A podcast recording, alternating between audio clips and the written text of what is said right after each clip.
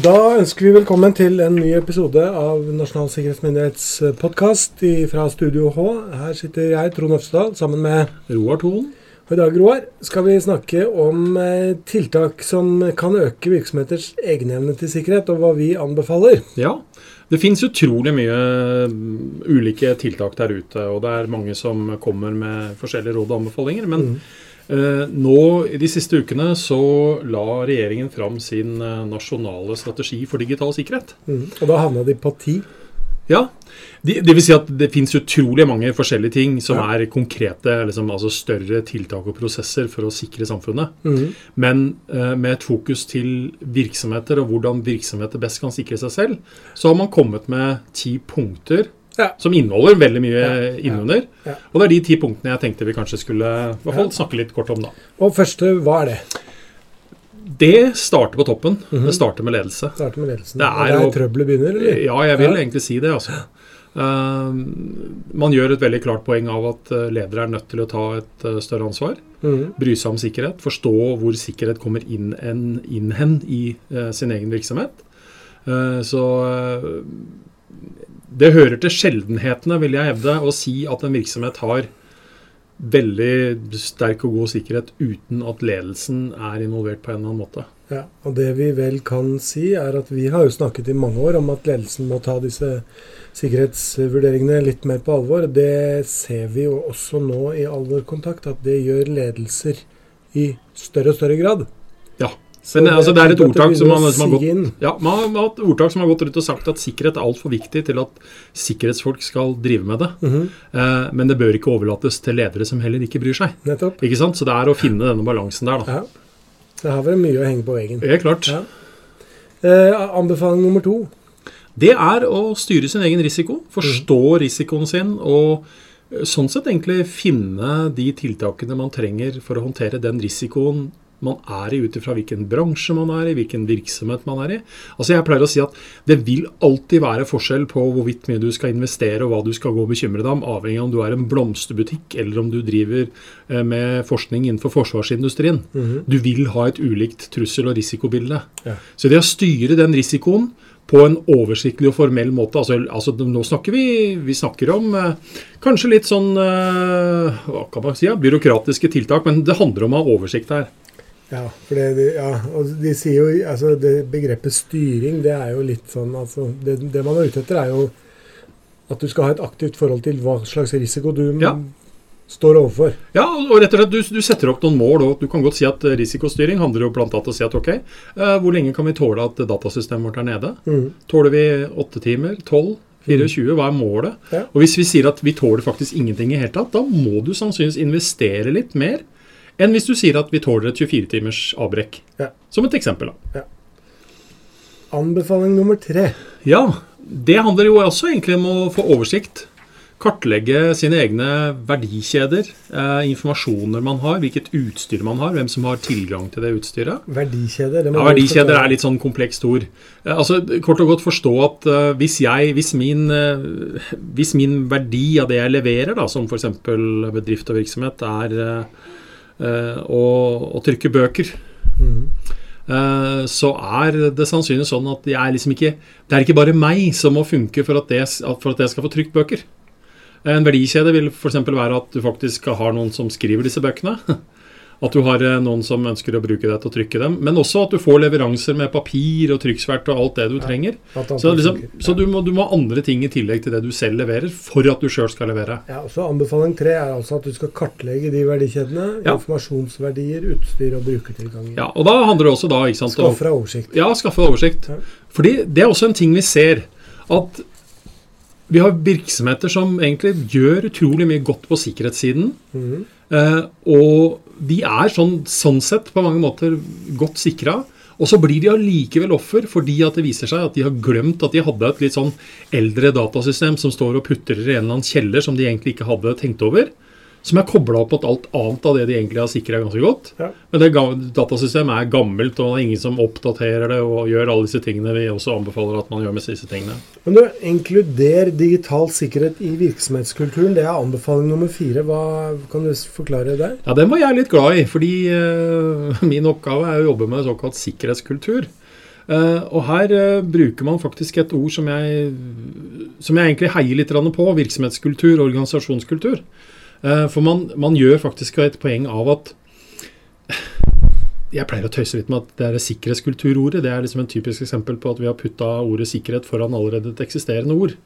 Eh, hvorfor skal sikkerhet være så mye mer spesielt og noe som er på sida av alt annet? Sikkerhet skal altså være en del av virksomhetskulturen din. Hvor altså både ledelse, eh, ansatte altså er med på å tenke på sikkerhet og gjør de riktige tingene i forhold til hva man da har sagt er fornuftig. Ja. Så, så det er et råd jeg heier veldig på. Anbefaling fem. Ja. Leverandørkontroll. Jepp. Um, det har jo rett og slett igjen med Det henger jo litt sammen med verdikjeden. Mm. Men uh, hvis du i, har sikra deg veldig godt, og så har du likevel leverandører som får tilgang til både det ene og det andre, mm. og de ikke har sikra seg, Mhm. så risikerer du også å bli et offer basert på at du har leverandører som i realiteten ikke følger opp sikkerheten på samme måte som du sjøl gjør. Det der minner meg litt om det med å bruke Når du bruker samme passord overalt, da. Ja. Det er det samme som å si at alle leverandører er like gode på å behandle passordet ditt. Ja.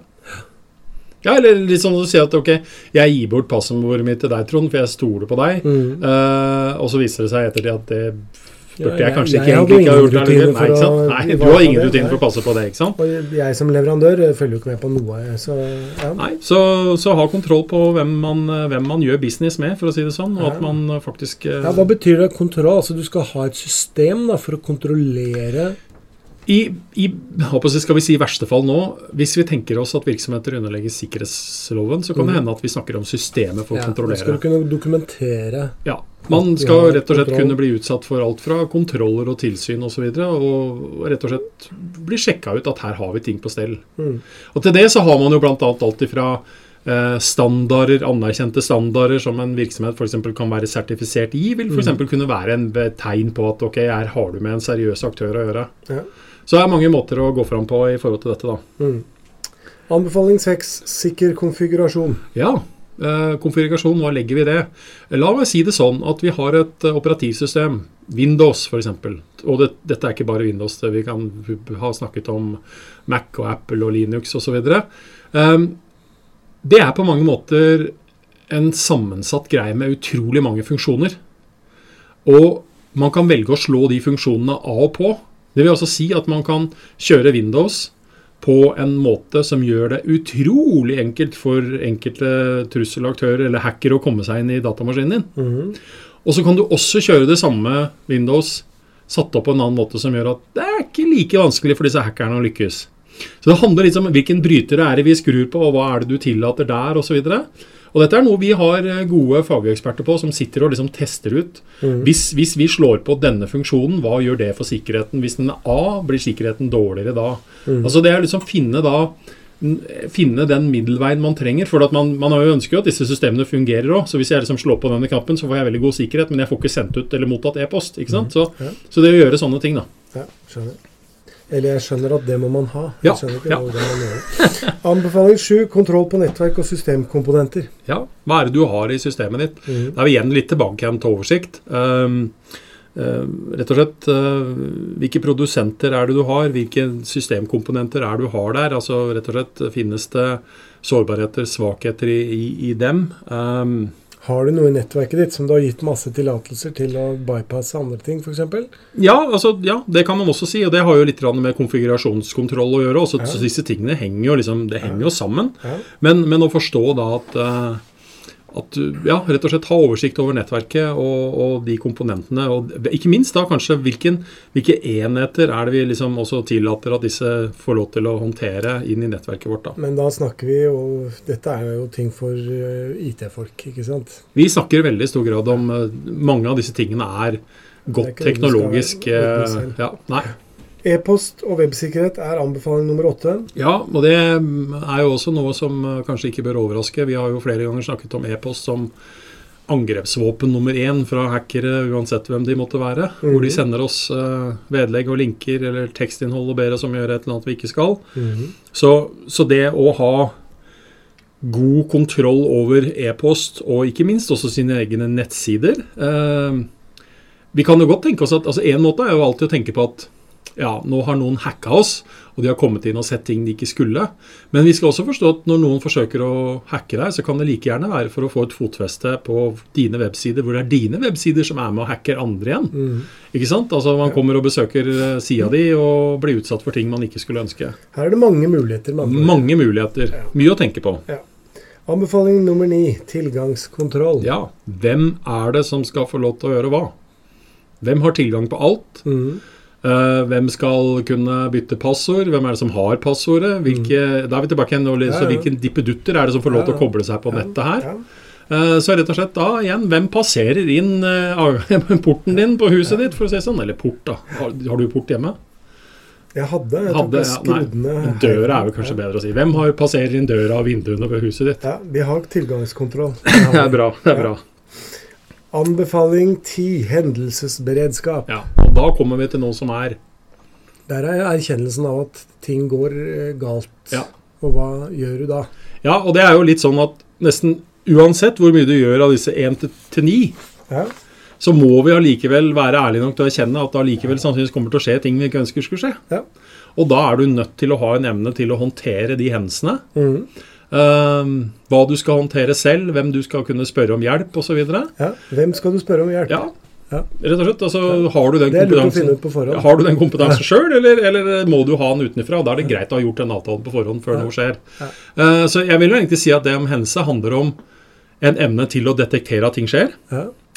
Redusere konsekvensene av det som er i ferd med å skje. Mm. Ha en evne til å faktisk Altså alt fra logge, få oversikt over hva som faktisk nå er i ferd med å skje, sånn at man kan lære av det i ettertid og bruke mm. de på mange måter sporene til å finne ut både hvem det er som forsøkte, hvordan, hva var de egentlig ute etter. Ja. Og så, det siste innenfor hendelse, vil jeg også si handler litt om å ha en evne da til å altså stå imot, og at fortsatt systemene fungerer, for det vil være ganske viktig for Ja. de aller fleste virksomheter. Og så er vi glad i, hvis det skjer noe, at eh, de virksomhetene som opplever eh, sånne det vi kaller hendelser, at de forteller om det etterpå. Ja, helt klart. For det gir jo litt drahjelp til de som ennå ikke har våknet. Ja, helt klart. Greit, men da har vi vel ikke noe mer på hjertet denne gangen? Ikke på denne episoden, bortsett fra at vi da kan si at uh, her er det ganske mye å lese, og vi kan anbefale at folk som er interessert i dette her, går på regjeringen.no og finner altså Nasjonal strategi for digital sikkerhet. Mhm. Der er det flere ting også, fordi der kom de også med en uh, nasjonal strategi for digital sikkerhetskompetanse. Så det skjer altså veldig mye om dagen. Ja, så her er det mange muligheter. Ja. Da ønsker vi folk bare lykke til. Det Og så vi. sier vi hei, hei. Hei, hei.